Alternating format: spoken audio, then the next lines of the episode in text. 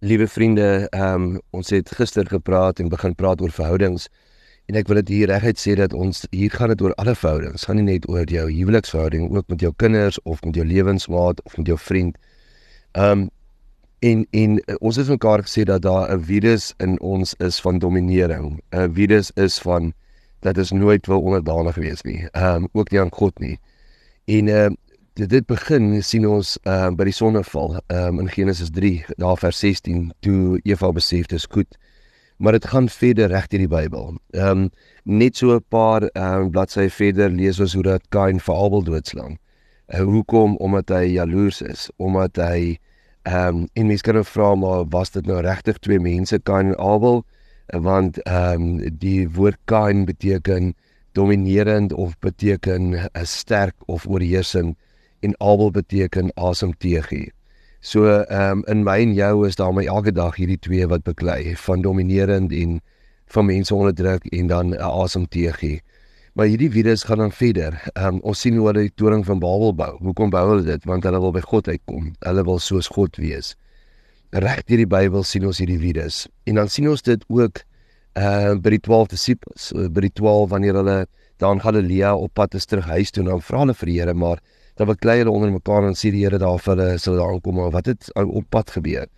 Dan sê hulle nee nee hulle het uh, hulle het beklei oor wie die belangrikste in die koninkryk van God is. So hierdie virus gaan ook daaraan. En ons lees dat dit ook ehm um, in die Nuwe Testament uh, gaan dit ook in Efesiërs 5 lees ons daarvan. Man vrou wees uit eerbied vir Christus aan mekaar onderdanig.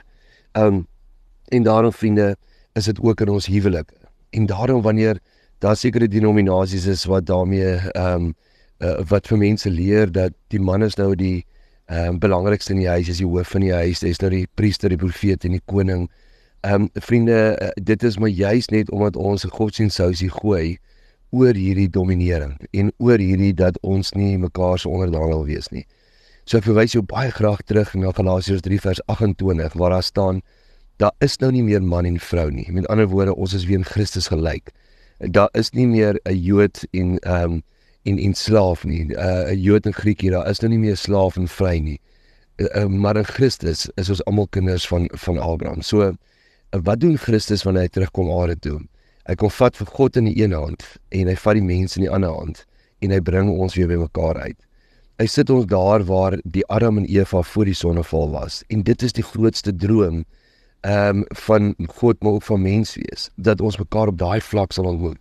En daarom wanneer jy iemand dien vanuit krag en die mindere is en ehm um, nie wil domineer nie, dan verstaan jy iets wat Christus vir ons kom doen het. Ons sal maandag uh, dan verder oor hierdie hele uh ongelooflike verhoudingsding wat Jesus vir ons kom doen het, sal ons verder gesels.